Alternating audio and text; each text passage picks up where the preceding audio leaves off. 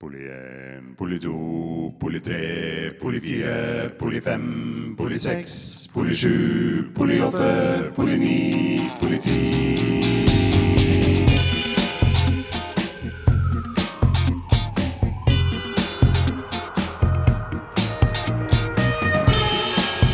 Du hører på PF-podden.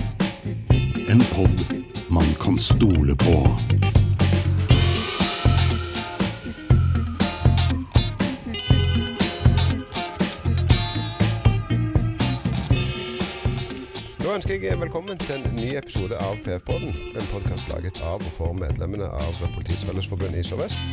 Dagens episode skal handle om økonomistyring i politiet.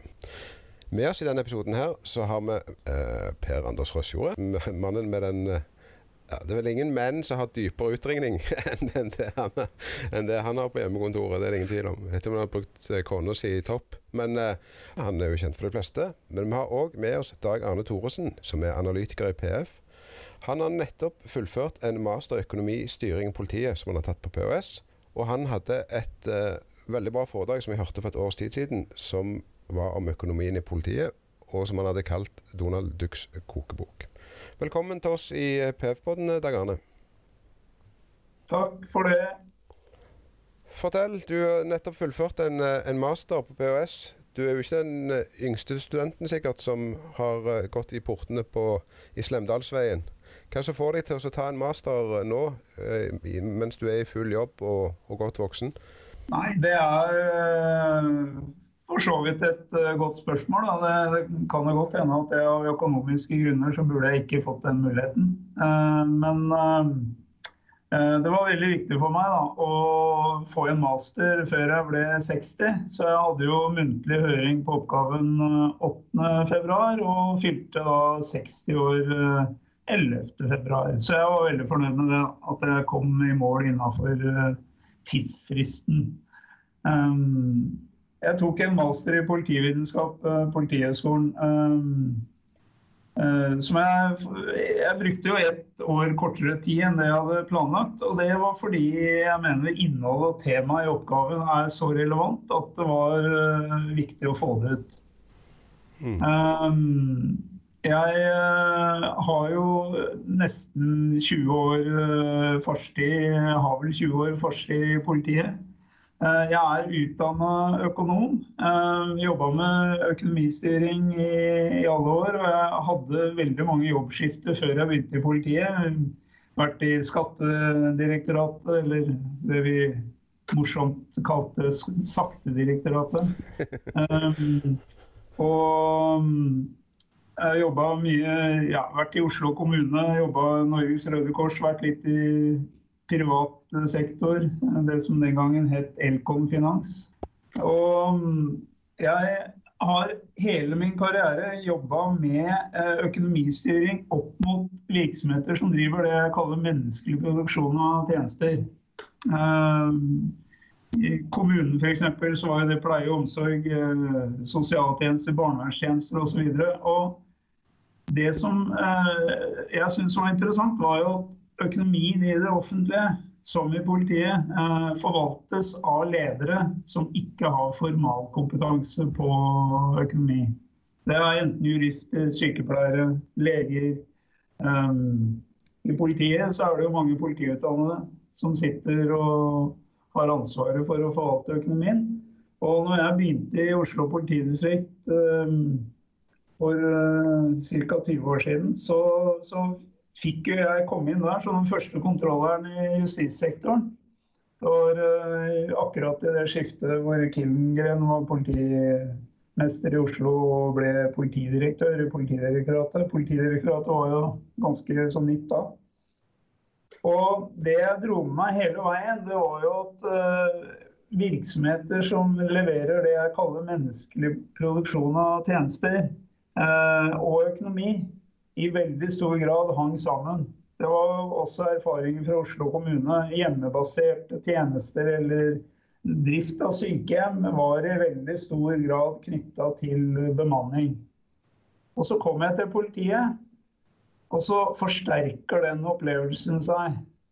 Eh, hvor jeg da begynner å etter hvert eh, i og med at jeg uh, hadde jo litt ulike roller. Jeg fikk jo ganske god innsikt i økonomien i distriktet. Uh, fordi økonomisjefen slutta, administrasjonssjefen slutta. Og det var, var, en turbulent periode hvor jeg hadde veldig mange eh, roller i distriktet og fikk veldig god innsikt i økonomien. Og etter hvert så, så satt jeg jo med ansvaret for ordensavdeling, kriminalavdeling, de største budsjettet i politidistriktet, 13 store seksjoner, hvor eh, jeg begynte å forske litt på og teste ut hvordan sammenhengen var mellom å styre kun på antall ansatte og hvilke resultater det ga.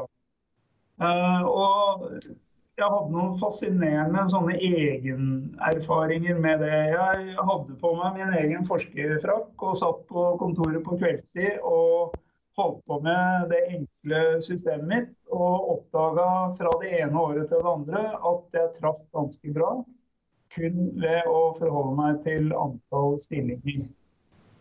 Men eh, systemet, økonomistyringssystemet i prinsippet er jo basert på regnskapsinformasjon og flere hundre forskjellige konti som er delegert nedover eh, på mange tjenestesteder og, sånne ting. Og det er på en måte tallene og budsjettene du styrer på. Og I politiet så er det her veldig stor grad delegert nedover i systemet. Men jeg testa min modell, som gikk ut på å beregne et gjennomsnittlig antall årsverk basert på kostnadene fra året før, som ga meg Eh, svar på hva en gjennomsnittlig stilling eh, kosta i året. Og så brukte jeg det som utgangspunkt når jeg fikk mulighet til å teste det på den største seksjonen, som hadde store merforbruk og som slet med å holde budsjettet sitt. Eh, fordi det skjedde endringer der som gjorde at budsjettansvarlig Eh, ikke lenger ble en del av seksjonen osv. Så, videre. så stasjonssjefen her hadde mot til å prøve ut det enkle, for han syntes det her virka ekstremt banalt. Vi setter oss ned når vi fordeler budsjettene, og så finner vi ut av hvor mange årsverk har du mulighet til å ha. Og da havna vi vel på 57 400 per stilling i måneden, som ga da i overkant av 300 årsverk. Jeg husker ikke helt nøyaktig akkurat det. Men poenget var at ledergruppa på den seksjonen ble enige om å fordele de stillingene på etterforskning, operativ tjeneste osv. Og så kjørte vi det løpet uten å fokusere på verken budsjett eller regnskap. Og eh, resultatet var at den seksjonen traff budsjettet med innertier. Og det her gjorde vi etter hvert på en ny seksjon. Og min tanke den gangen var jo at det her kunne være en form for effektivisering. At politiledere fikk ansvaret for de ansatte. Og så kunne vi på overordna nivå ordne med det økonomiske. Fordi det viste seg at over tid så var den kostnaden veldig forutsigbar. Og på en seksjon eh, så var kanskje 98% av budsjettet personelldrevet. Så jeg tenkte er det virkelig så enkelt? Er det sånn at det her er en universell løsning som kan brukes på eh, distriktsnivåene, mellom distriktene? Hvordan ser dette her ut i Politi-Norge? Og det var grunnlaget for at jeg gjennomførte den studien, hvor jeg fikk mulighet til å be om innsynsbegjærte data fra Politidirektoratet for flere år osv. osv. Formalisere de egenforskningen jeg hadde gjort da, i, i uh, den studien. Kunne det være så banalt at du styrer økonomien og skaper fullstendig forutsigbarhet bare ved å styre på antall årsverk? Men når, når, det høres jo veldig greit ut, så kan si at det er kun på, på antall ansatte at det er det som legger føringene. for at Sånn som jeg har forstått det, så er godt over 80% stort sett av eh, budsjettene til politidistriktene går til personell. Litt varierende ut fra distrikt til distrikt, men, men, i hvert fall godt over 80 hvordan er det styres, eller hva er det de har lagt som føringer før? da, så Hvis det er såpass enkelt å, å gå på og se på bemanningen, altså din modell, hva modell er det de har brukt uh, tidligere?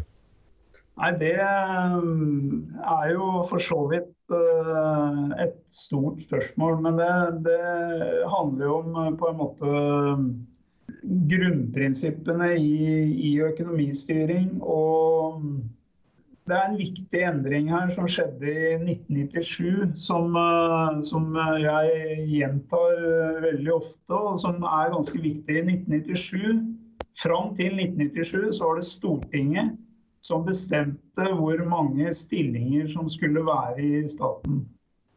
I 1997, i forbindelse med en budsjettreform, så bestemte Stortinget seg for at de ikke lenger skal bestemme hvor mange årsverk eh, eh, budsjettene skal inneholde, men eh, de tildeler økonomiske rammer, og så er det opp til underliggende virksomheter å bestemme hvor mange årsverk det budsjettet gir rom for. Og Det var en sånn veldig vesentlig, vesentlig endring. Og Da fikk du det som heter rammestyring. Altså Det ble fokus på økonomi og økonomiske rammer på den ene sida, og mindre fokus på det som da het stillingshjemler og årsverk. Det perspektivet tror jeg var noe av hovedårsaken til at vi da etter hvert i stadig større grad begynte å styre på økonomiske rammer, og at det er i økonomien og i tallene svaret ligger, og ikke på bemanning. Um, men du stiller jo et spørsmål som jeg kunne ha brukt hele timen min på å besvare. Men jeg tror det, det, det er et sånn viktig perspektiv, fordi det er noe vi står i midt i i dag òg. At vi forholder oss til økonomiske rammer. Og så forholder vi oss ikke i så stor grad til hva den rammen faktisk eh, betyr. For, for, der er det litt sånn eh, Jeg opplever iallfall fra vårt politidistrikt og tidligere, så så har det på en måte vært litt sånn eh, Det har blitt komplisert så enormt at det er egentlig ingen som skjønner det. Uten at det er så voldsomt komplisert. Eh, og det, det, tror jeg kan være en litt sånn årsak på at eh, folk tror ikke at det er enkelt, så vi må gjøre det vanskelig. Eh, og da, da blir det så mange parametere man legger inn som egentlig ikke er så veldig betydningsfulle. Uh, og så kan man egentlig bare snakke om at grovt sett regna, og at man treffer mye bedre med det. Litt sånn som de som spår været. Så er det mange, mange av disse meteorologene i lange perioder som på en måte har meldt veldig mye feil. Det har vært veldig mye kritikk i forhold til gamle dager. Og så skylder man at man har så enormt mye værdata nå. Det er så mye tolkninger. Det er vanskelig å tolke alle dataene vi får inn, så derfor melder vi oftere feil. Uh, været har ikke blitt mer komplisert, eller det har sikkert vært noen klimaendringer. Men, men, jeg tror det med at man, når man får mye data, man får mye, så kompliserer man egentlig seg vekk fra det som er hovedessensen. Og det er jo at uh, økonomien ligger i det. Altså, vi, vi, kan gå ned og se på overtidstimer og, og mikke og makke og kanskje utgjøre en prosent totalt. Men, men, hovedutgiftene til norsk politi ligger i ansatteutgifter. Og det, det, er jo ikke veldig komplisert å regne med. Er det det, Dag Arne? Nei, det, det, er jo, det er jo såre enkelt fordi, eh, og det er noe av poenget med oppgaven min, da, fordi eh, kostnadene i politiet eh, i så stor grad er knytta til nivået på hvor mange ansatte du er. Du nevnte jo politidistriktene ligger på, på 82% Vi vet jo at det i 2019 så var jo 87% av kostnadene i Sør-Vest knytta direkte til eh, personellrelaterte utgifter. Og så vet vi at husleia den er fast. Eh, så da er det knapper og glansbilder igjen. Du har 2 eh, etterforskningsutgifter. Men også de utgiftene er jo Eh, direkte knytta til hvor mange etterforskere du har på jobb. Har du ikke etterforskere, så får du ingen regning på verken obduksjoner eller DNA. Så, og det er det som er, det er, det som er litt sånn interessant, da, hvis du går inn i statsregnskapet og ser på i hvert fall i 2019 så var det vel 199 statlige virksomheter som er i statsregnskapet. Og politiet som virksomhet ligger da på topp av samtlige virksomheter i forhold til hvor stor andel av utgiftene som direkte går til personell. Og det er klart Når da de, også de resterende utgiftene er knytta til nivået på hvor mange ansatte det er, så er egentlig det svaret. Men som du sier, Per Anders, så, så blir rammestyringen den, den, eh, den, fokuserer da på økonomiske beløp. Eh, disse blir eh, da fordelt etter noen prinsipper nedover i systemet og postert på hundrevis av forskjellige konti i posteringsplanen. Og det er klart at det blir veldig fragmentert og det blir veldig fokusert på de økonomiske rammene. Og så mister vi kanskje det som er noe av det viktigste her. Bestemmelser om økonomistyring i staten legger føringer på at enhver virksomhet må tilpasse styringen virksomhetens egenart. Og egenarten til politiet hvor utgifter til personell utgjør en så stor andel av kostnadene. Jeg, jeg stiller i hvert fall spørsmål ved om uh, ledere i norsk politi egentlig har tatt det inn over seg. Fordi oppgaven eller studien min viser jo at kostnadene i politiet, altså måten kostnadene fordeler seg i politiet over tid, har vært helt lik. Du kan nesten justere kostnaden per årsverk. Hvis du tar alle ansatte i politiet da, og deler på hele politibudsjettet, så kan du nesten justere økningen i gjennomsnittskostnad basert på lønnsoppgjørene. Og um, prisjustering på den lille andelen som da ikke går til lønn. Av politiets totale budsjett så har 75% av utgiftene i politiet og ifølge studien min de siste 18 år vært 75% Og da kan man jo spørre seg hvor vanskelig det er da å kunne estimere fram i tid hva kostnadene kommer til å bli, eller hvor stort budsjettet bør være, gitt at vi blir, blir enige om hvor mange ansatte vi skal være. Mm. Så um, ja. Men, men, sånn som her i, i Sør-Vest politidistrikt, så ble det jo en del skriverier for noen år siden fordi at en hadde et ganske stort uh, underskudd. Uh, og da kan en jo spørre seg at hvis det er så enkelt å se uh, hva en har og hvordan utviklingen har vært de siste årene, hva er det som gjør at enkelte distrikt da kommer såpass skeivt ut? Ja, for å, for å, snu det spørsmålet litt på hodet, hva, hva, kommer det av at politimesterne bruker årsverk som tiltak når de ikke har mer penger igjen, eller de har brukt mer penger enn de har fått? Så er det jo ofte eh, stillingene som det går utover.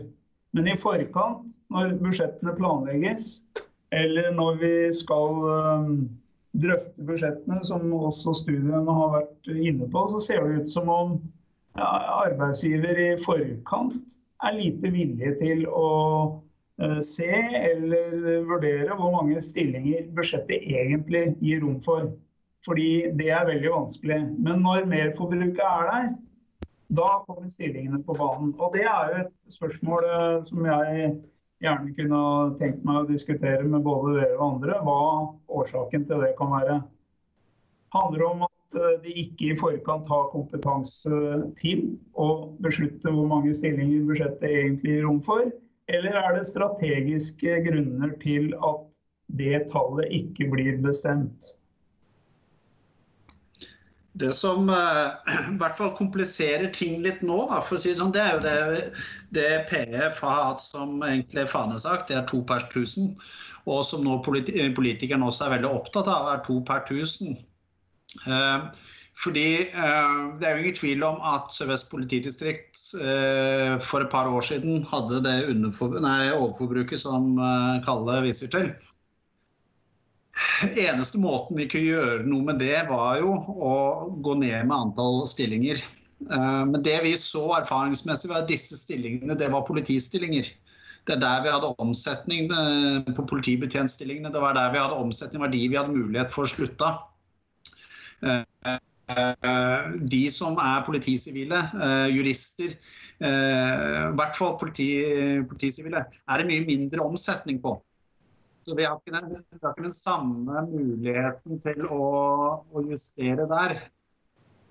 Eh, det betyr jo at når vi står overfor de bommene vi har hatt før, og det er et krav om to per tusen, så begynner mulighetsrommet til å justere budsjetter til å bli veldig mye mer vanskelige. Sånn som når vi går inn i det budsjettet vi gjør for i år, så, så er det en X-faktor om at uh, de hopp og sprett-kurvene som vi har hatt før, med ansettelser som var bånn gass i starten av året, ingen til sommeren og bånn gass igjen på slutten av året, de, de kan vi ikke ha lenger fordi uh, de går på politifolk. Nå må vi forholde oss til mye jevnere bemanning. Ja, og det, det, er jo det jeg syns er litt interessant med den studien min. At uh, hvis vi hadde forholdt oss til at antall år, uh, årsverk uh, faktisk er grunnlaget for hva kostnadene kommer til å bli, og dermed hvordan budsjettet skal disponeres, så ville det skapt en mye større forutsigbarhet gjennom hele året i forhold til fokusen på, på antall ansatte. Det, det, som, eh, det, som, bekymrer meg litt da, eh, Bekymring er jo et uttrykk som blir brukt mye i disse koronatider. Men eh, det er fokusen på økonomiske rammer og ikke på ansatte. Når vi snakker om effektivisering, gevinstrealisering, økonomisk handlingsrom, osv. osv. Strammere budsjetter, eh, budsjettreduserende tiltak, besparinger. Så snakker vi om det som om det er økonomi som handler om noe annet enn ansatte. Og det, det, er jo perspektiver som hvis du går inn i resultatavtaler eller du går inn i tildelingsbrev fra Justis til POD, eller du går inn i ressursanalysene til eh, politiet de siste to-tre år, så er jo de dokumentene her fulle av de uttrykkene her. Og det er forventninger om at vi må bli mer effektive. Hvor tiltaket er at budsjettene reduseres. Og det er jo i den forbindelse jeg har vært innom Donald Ducks eh, kokebok i forhold til eh, å se på en måte den enkle det enkle bildet på hvordan kostnadene i politiet er eh, fordelt. Um, når 87 eh, i Sør-Vest er knytta til personell, og du har kanskje 7-8 som er knytta til husleie, da er det ikke mange prosent igjen å um, effektivisere. Og Konsekvensen av det over tid nå har jo vært at ABE-trykket f.eks., som har rulla og gått siden 2014 Resultatet av det, når du i tillegg eh, skal bli flere ansatte, er jo at investeringer f.eks. Altså all, de få prosentene som er igjen, det er det som blir eh, kutta. Eh, og så går vi ikke ordentlig inn i hvilke forventninger er det storting, regjering, departement legger i alle disse begrepene om at vi skal skape økonomisk handlingsrom, vi skal gevinstrealisere, vi skal øke på en måte det økonomiske eh, handlingsrommet eh, som gjør at vi får eh, mer penger til å gjøre andre ting osv. Men det er jo ikke mulig det uten at du forholder deg til antall ansatte. Så det, det, det, er det jeg ser på som framover nå, i forhold til kravet om, som det sies, altså på lik linje med næringslivet må også øh, statlige virksomheter øh, bli mer effektive. Men det ligger sjelden noen konkrete tiltak bak alle disse utsagnene og begrepene. Som I studien min så kaller jeg det her for en øh, sosial konstruksjon. Altså bare det å si det Eh, kan noen ganger virke som det er nok. Altså Bare si at du er effektiv, så er du det. Fordi det ligger ingen eh, aktivitet bak som sier hvordan denne økonomien skal fremskaffes uten da at det går utover antall ansatte. Så det er, eh, det er på en måte en sånn fremtidsbekymring. Men, men jeg tenker Ja, Per vær så god. Ja, nei, eh, fordi det, det, du er inne på der, Dagerne, det er egentlig ganske viktig. Fordi veldig mye når vi snakker om effektivisering og osv., så, videre, og så, videre, så så opplever iallfall jeg eh, i vårt politidistrikt at det ender med at de ansatte bare jobber hardere. Altså de, de, de etter hvert går utover sin tåleevne. De blir, eh, de blir slitne. Og jeg er jo kjempespent på sykemeldingsstatistikken. Hvordan den vil slå ut framover. Fordi i en effektivisering så handler det også stor grad om å øke utbyttet i andre enden. Mm. Uh, og så tar man på en måte vekk økonomien i tillegg, som vi på en måte er helt enige her i rommet at uh, det er det som styrer økonomien. Altså økonomien styrer antall ansatte. Uh, så, så det, det, er jo på en ganske god kollisjonskurs, og den berømte sitronen. Og det, det, det, gjelder bare å skvise hardere, og på et eller annet tidspunkt så, så er det tomt jeg, jeg, kjenner på den der med at uh, det er klart offentlige ansatte de har jo et ganske sterkt stillingsvern. Det er vanskelig å på en måte redusere arbeidsstokken annet enn ved naturlig avgang, eller at folk finner andre jobber som de ønsker å gå til. Så da blir liksom spørsmålet spørsmål okay, hva skal en da gjøre da når en først har kommet så skjevt ut? Så Hvordan skal en klare å dra inn igjen og komme seg inn igjen på den økonomiske linjen som, en, som faktisk er bærekraftig, og, og ikke fortsette at eh, underskuddet blir større og større? Nei, altså Svaret er jo enkelt, enkelt i form av at du må, du må ha et uh, bemanningsnivå som uh, tilfredsstiller de økonomiske rammene du, du får. Men det, det, som, det, som, ser ut til å være litt uh, svaret på det du spør om, er jo som, Vi er jo inne i en tid med Det har vært mye snakk om New Public Management. og innføringen av på en måte foretakstenkning og, og en større grad eh, innføring eller bruk av bedriftsøkonomiske modeller i offentlig, offentlig sektor. Og vi vet jo at det, det er jo beslutta nå at uh, politiet fra og med i år skal uh, ta i bruk noe som heter periodiseringsprinsippet. Eh, som er på en måte et eh, regnskapsprinsipp som er mye mer komplisert enn eh, kontantprinsippet, som egentlig handler bare om at du, du, skal betale for den varen du har fått. Mens de nye prinsippene legger opp til at du da skal kunne operere både med driftsregnskap og balanseregnskap, og du skal kunne iverksette avskrivninger. Eh,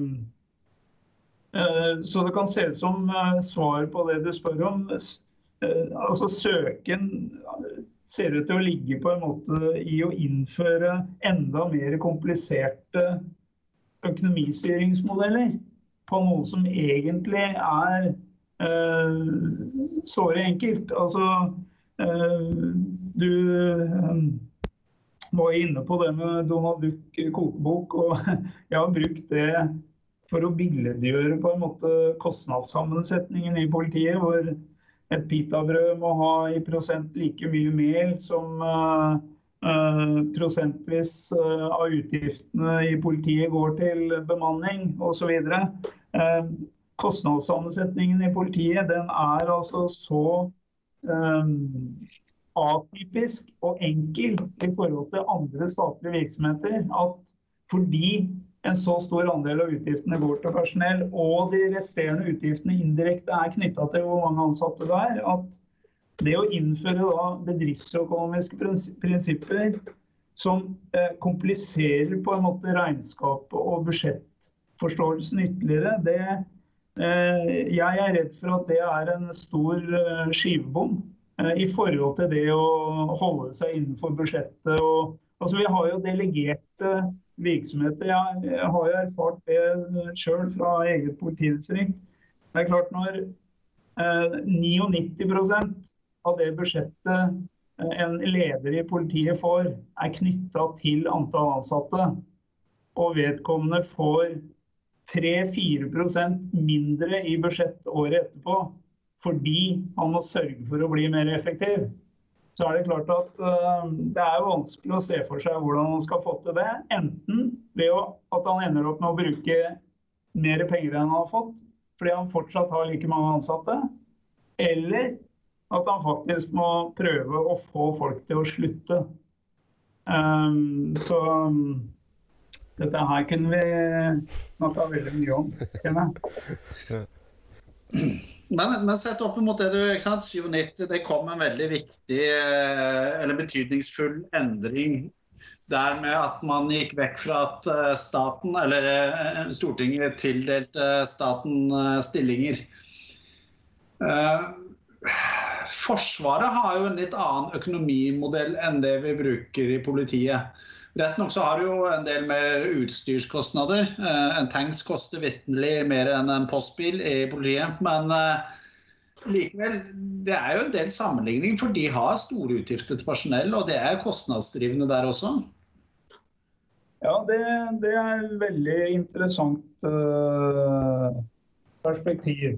Fordi um, det som er Én ting er at altså, en av grunnene til særegenheten til politiet som virksomhet når det gjelder eh, kostnadssammensetning, er jo at politiet har ett budsjettkapittel. Altså alle pengene til politi- og lensmannsetaten eh, puttes inn på ett kapittel og stort sett én post, som heter post 01 driftsutgifter. Det var for øvrig en post som ble vedtatt som en del av den reformen i 1997. Hvor de sa at eh, de økonomiske rammene de eh, tildeles departementet.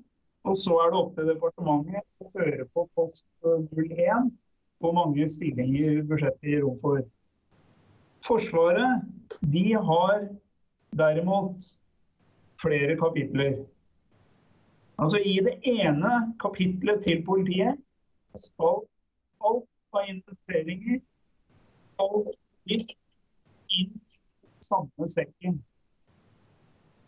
I Forsvaret så har de egne kapitler. Altså de har en egen virksomhet som heter Forsvarsmateriell i statsregnskapet. Og de har eh, noe som heter Forsvarsbygg, som tar seg av alt som heter eh, eiendom osv. Det betyr ikke at Forsvaret ikke betaler husleie, men i tillegg så har de da et kapittel som heter drift av, av Forsvaret. Og på tross av at de har skilt ut alle investeringene f.eks., så bruker da Forsvaret på drift under 50 av budsjettet sitt på lønn. Mens politiet bruker da 76% i 2019. Og i det resterende så ligger alle investeringene i politiet. Um, og Da er det ikke veldig rart da når vi vet at hovedgrunnen til budsjettøkninger i politiet er knytta til pris- og lønnskompensasjon fra det ene året til det andre. Altså, For at politiet skal ha like mange ansatte året etter, så må politibudsjettet øke med 400-500 millioner kroner pga. lønn- og priskompensasjon. Og dermed så, Det har jeg hørt enkelte politi, politikere bruker som en vekst i politibudsjettene. Men det er jo egentlig bare en opprettholdelse av status quo, selv om budsjettet øker med kanskje en halv milliard. Men det tenker jeg det er et veldig godt perspektiv, det du trekker inn der. Det er klart det er mye lettere for en forsvarssjef å kunne argumentere for budsjettbehov når det er så synliggjort. Mens i politibudsjettet så så vil på en måte en politibil kunne konkurrere med en etterforsker på et lensmannskontor hvis eh, bilen går i grøfta, for å si det sånn. Ja, for det, det, er jo akkurat det vi diskuterer, eller har diskutert nå ved våre drøftinger budsjetter i Sør-Vest. Da, da, sitter vi faktisk helt konkret og stiller spørsmål uh, ved antall politibiler som vi eventuelt skal kjøpe. Fordi vi skal ha gitt antall folk. Eh, og så vet vi at en politibil tilsvarer ca. én ansatt. Så vi, vi, sitter jo og teller. og, og er det noe politiet opp gjennom tidene, og det er ikke bare vårt politi, det er min erfaring fra andre politidistrikter, det er jo at vi, vi kunne hatt et sinnssykt budsjett på gaffateip og ducktape. Altså, det er, det er klipp og lim, eh, og vi har på en måte gjennom mange år spart oss til fant på utrangert drittutstyr. Vi arver utstyr fra Forsvaret eh, som de liksom skal kassere. Da. Det er som flunka nytt for politiet. Eh, og det er noe av det jeg syns er litt vanskelig oppi dette her, at vi aldri får synliggjort den delen av behovet i politiet. Eh, og i hvert fall ute i politidistriktene. At eh, det med kjøretøyer, andre ting, det blir fort glemt i budsjettdebattene. Og i hvert fall nå som trykket ligger veldig på to per tusen. Eh, fordi det sier noe om politifolk. Det sier ikke noe om all den andre komplementære kompetansen som vi også har behov for. Som vi faktisk da må ta av eh, disse driftsbudsjettene. Fordi det er der vi må hente kapitalen til dem. Fordi to par tusen er låst. Og da har vi enda mindre vi kan sjonglere på.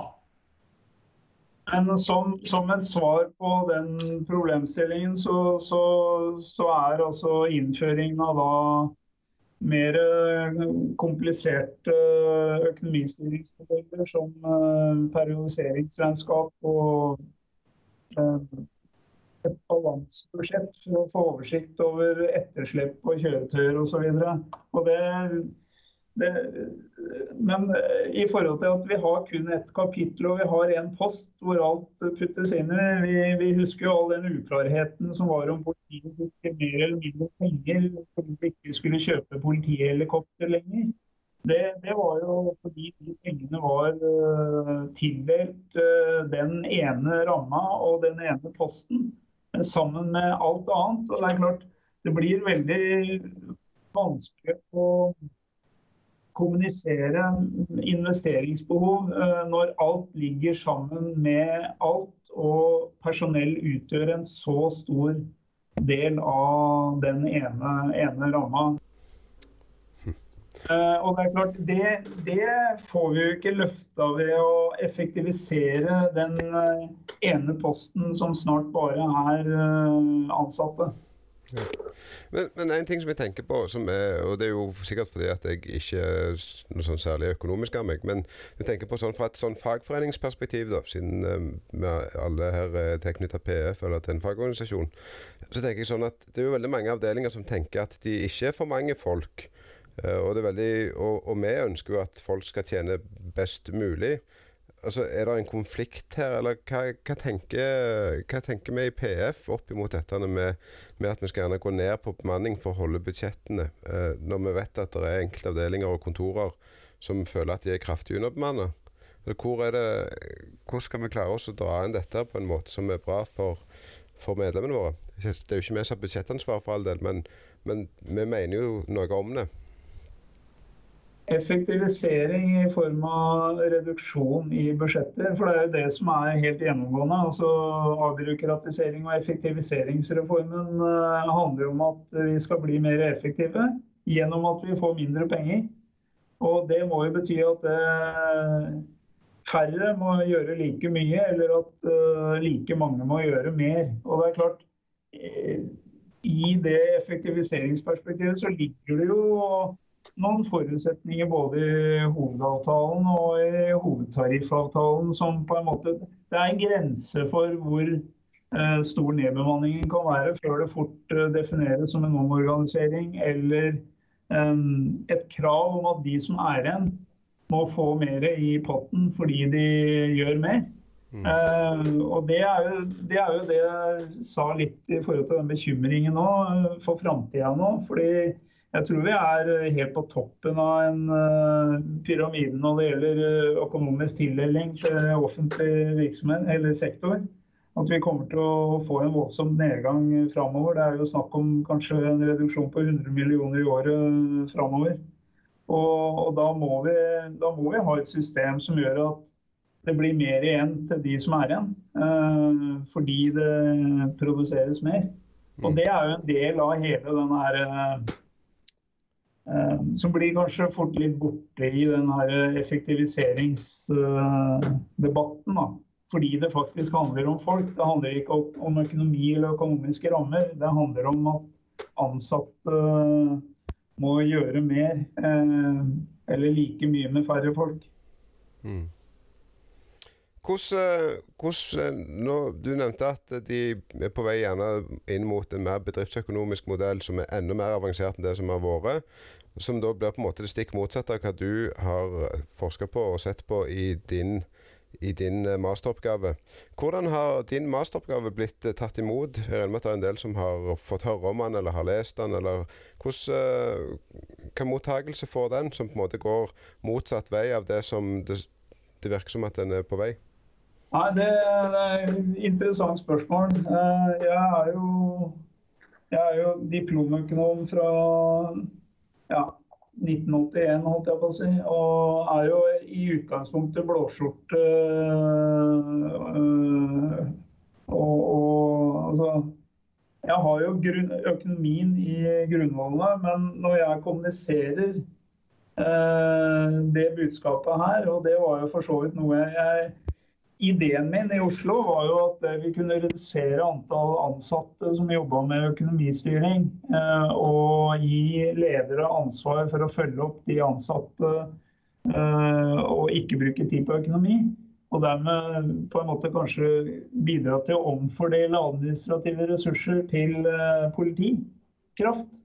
Men, men svaret er jo ofte at det her er for enkelt. Eh, dette er en problemstilling som det, det, blir et bilde som på en måte blir for enkelt, og så blir svaret da ofte at det Og det har jo noe med profesjoner å gjøre òg. Jo flere økonomer du er, jo større argumentasjon for at du bør være enda flere.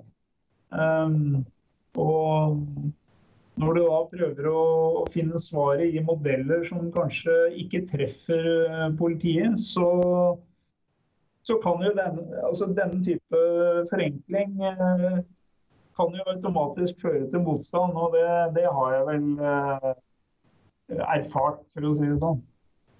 Selv om jeg har gjennomført noen analyser i studien min, eh, korrelasjonsanalyse, hvor jeg har kjørt hvor sterk sammenhengen er mellom ansatte og kostnader, og den er ekstremt sterk, så, så så blir på en måte det bildet litt for enkelt. Og det, det er en interessant eh, erfaring, da, men som kanskje ikke nødvendigvis er helt ulik fra andre profesjons... Jeg tenker jo at det, det, er jo det som på en måte litt den flåsete som vi på en måte var innom, den der Donald Ducks kokebok som du altså det er jo litt flåsete, men, men det, er veldig, det, er veldig, mye rett i det. Skal du bake boller, som du sier, så, så må du ha melk, egg, gjær, sukker og smør. Og litt kanel. Eh, det er det boller består av. Og så kan du selvfølgelig gjøre det veldig mye mer komplisert med å, å drive frem sukkeret sjøl. Eh, kverne og høste eh, korn og lage mel. Men poenget er at grovt sett, hvis du går inn for de litt sånn store, så er ikke det å bake boller så utrolig komplisert. Det er jo litt det med den, den, det du også beskriver i masteroppgaven det med, det med altså politiets uh, budsjettering. Det, det, er egentlig ikke så komplisert, for det handler om å putte noen faste kostnader, store kostnadsdrivende, altså personell, husleie uh, og de tinga der så får du egentlig et veldig sånn grovregna godt bilde på hvor mye penger har du. Eh, og så vil det alltid være masse annet du kan gjøre ut av det, men det tror jeg bare er forstyrrende elementer. som Drit i det, da. Forhold deg til enkle, små greiene. og Da er ikke dette så forbaska komplisert. Nei, og det er jo fordi altså, hvis du har, den, hvis du har den, de samme ingrediensene i den bolledeigen hvert år, så vil du få like mange boller eh, om det er 10 år eller 20 år eller 30 år. Og Det er den entydigheten som jeg har funnet av i politiet. At kostnadene i politiet over tid eh, er, har vært helt konstante. Eh, og det mest interessante er jo å se distriktene opp mot hverandre. Og Det er jo det jeg har fått muligheten til å, ved å få innsynsbegjæring i regnskap og budsjett for 2017, 18 og 19 mellom alle politidistriktene. Når jeg tar antall ansatte i løpet av et år, gjennomsnittlig antall ansatte i et politidistrikt i løpet av et år, og deler på det kostnaden i politidistriktet ble i det samme året, og gjør det på alle politidistriktene, så er gjennomsnittskostnaden per stilling nesten helt lik. Og det er den fra det ene året til det andre. Og forklaringen til økning Heldigvis øker jo gjennomsnittskostnaden per stilling. Og det kan du nesten i prosent koble direkte til lønnsoppgjøret eh, fra foregående år. Altså, lønningene endrer seg jo, så gjennomsnittskostnaden øker jo heldigvis.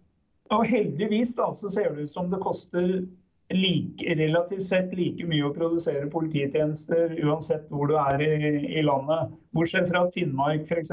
ikke har arbeidsgiveravgift, som faktisk utgjør en ganske stor sum når eh, lønnsandelen er så, så høy.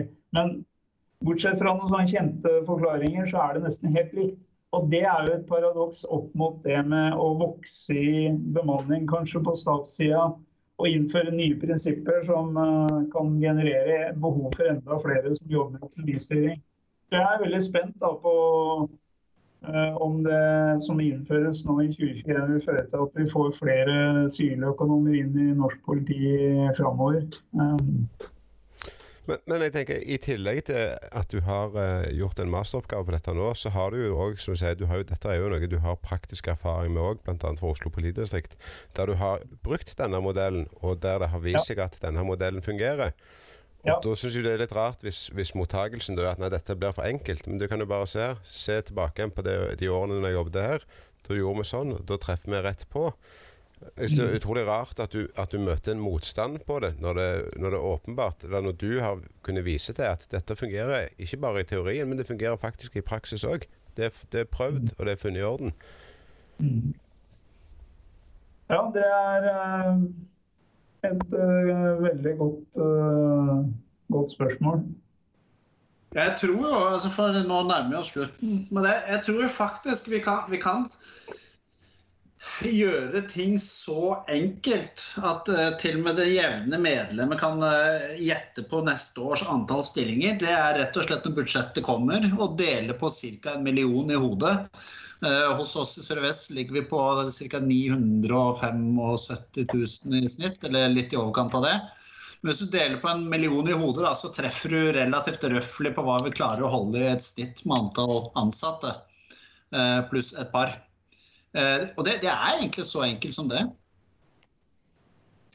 Ja, det er um, Hvis vi tar gjennomsnittlig antall årsverk som var i Sør-Vest i 2017, 18 og 19, og deler på totalkostnaden i Sør-Vest i de respektive årene, så var uh, gjennomsnittskostnaden i 2018 917 150 og 2019 950, eh, nei, 943 102. Eh, og den forklaringen, prosentvis økningen der, henger jo da sammen med i hovedsak endringen i lønnsoppgjør fra 2018 og helårsvirkningen av det i 2019. Ja, 2020 så lå vi på rundt 970 175 000, så jeg tipper at uh, hvis vi regner millionen snart, så tipper jeg vi treffer relativt godt. Ja. Veldig bra. Da har vi vel holdt på i ca. 50 minutter, noe sånt. At vi begynner å ta det inn for uh, landing, som de sier i medieverden.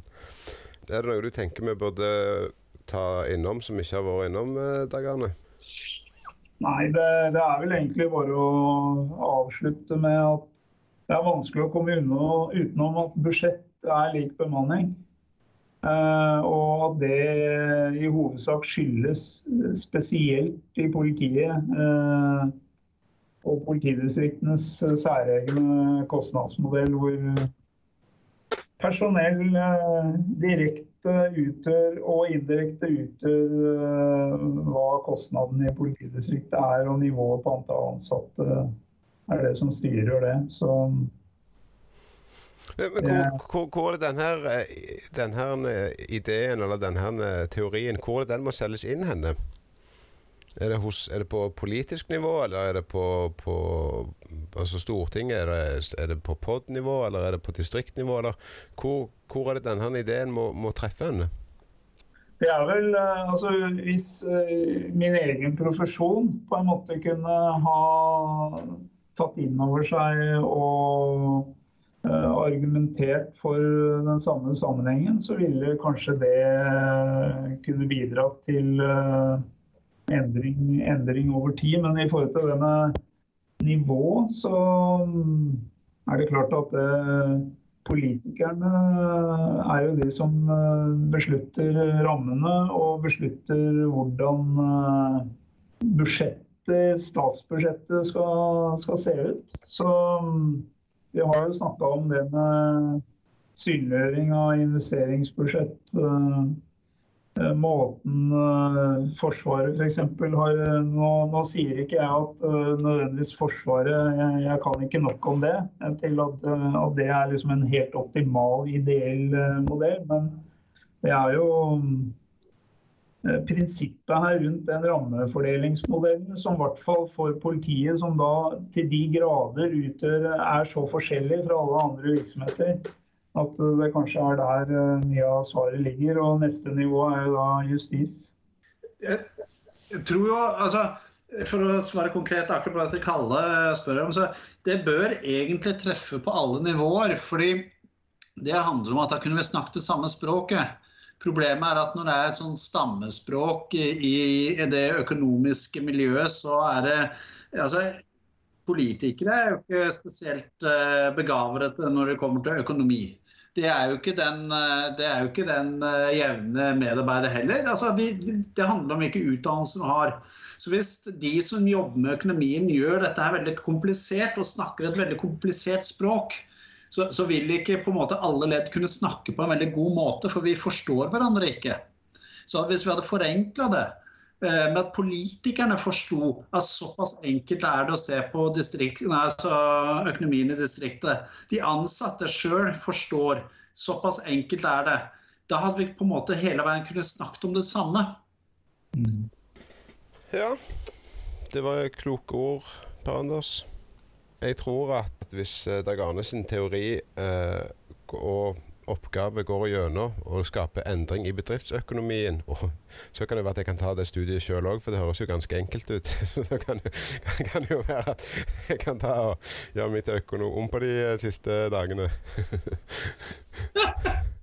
Så, så det, det, hadde jo vært eh, Det hadde blitt en, tynnere lærebøker og mindre pensum å gå gjennom. Du, Hvis uh, en ikke har uh, mer på hjertet som en ønsker å ta nå, så takker jeg jo for at uh, dere begge to tok dere tid til å være med i dag. Jo, takk for at du ville bruke tid med oss òg, Kalle. Jeg takker jo så klart for muligheten til å presentere min oppgave. Mm. Temaet det jo, har jo vært viktig for meg, så det setter jeg veldig pris på. Ja. En ting som jeg lurte på angående med oppgaver sånn sted. Altså, Ligger den oppgaven ute noen plass? Er det sånn at hvis, for Vi har jo en del eh, ledermedlemmer og sånt òg, og, og vi har sivile medlemmer som jobber kanskje på, på administrasjonssida og sånt. Hvor kan folk finne ut mer om dette, eller lese den oppgaven dersom de er interessert i det? Den er uh, lagt ut på Politihøgskolen. Så hvis, hvis uh, nå ligger den ute der som en forskningsnyhet på pos.no. Ja. Og oppgaven heter Budsjett er lik bemanning. En studie av politidistriktenes særegne kostnadsmodell. Ja, nemlig. Da kan vi ta, så Når vi legger den ut på, på siden vår, så kan vi legge en link kanskje til pøs.no, så kan folk prøve å finne den der hvis de er interessert i å lese. Det er fullt mulig. Ja. Nei, men uh, som sagt, tusen takk for at dere ble med. Takk for det.